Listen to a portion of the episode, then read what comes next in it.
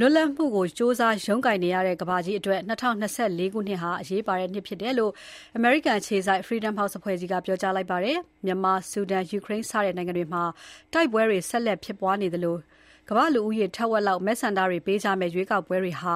ကမ္ဘာ့လွတ်လပ်မှုကိုအဆုံးအဖြတ်ပေးဖို့အရေးပါတယ်လို့ Freedom House ရဲ့ကမ္ဘာ့လွတ်လပ်မှုဆိုင်ရာ၂၀၂၄ခုနှစ်အစီရင်ခံစာမှာဖော်ပြထားပါတယ်။အရှေ့တောင်အာရှဒေသထဲကမြန်မာနိုင်ငံအပါအဝင်ရွေးကောက်တင်မြှောက်ခံထားရတဲ့အစိုးရတွေကိုဖယ်ရှားပြီးစစ်တပ်အာဏာသိမ်းထားတဲ့နိုင်ငံတွေမှာတော့၂၀၂၃ခုနှစ်အတွင်းလွတ်လပ်မှုတွေဆက်လက်ဆုတ်ယုတ်လာခဲ့တယ်လို့အစီရင်ခံစာမှာထောက်ပြထားပါတယ်။မြန်မာနိုင်ငံမှာလူပေါင်း၂သောင်းခွဲကျော်ကိုဖမ်းဆီးခဲ့ပြီးကတိပေးထားတဲ့အတိုင်းရွေးကောက်ပွဲကိုလည်းကျင်းပမပေးတဲ့စစ်တပ်ဟာ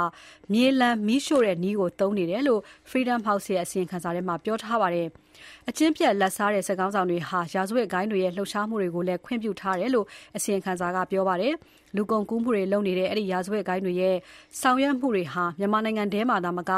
မဲခေါင်မြစ်ဝှမ်းဒေသတလျှောက်အထိ ကျယ်ကျယ်ပြန့်ပြန့်ဖြစ်နေတယ်လို့ ကမ္ဘာတဝန်း လူ့အခွင့်အရေးနဲ့ ဒီမိုကရေစီအပြောင်းအလဲတွေကို မြှင့်တင်ဆောင်ရွက်နေတဲ့ တတ်သိပညာရှင်များအဖွဲ့ Freedom House ရဲ့ နှစ်ပတ်လည် အစီရင်ခံစာထဲမှာ ပြောကြားထားပါတယ်။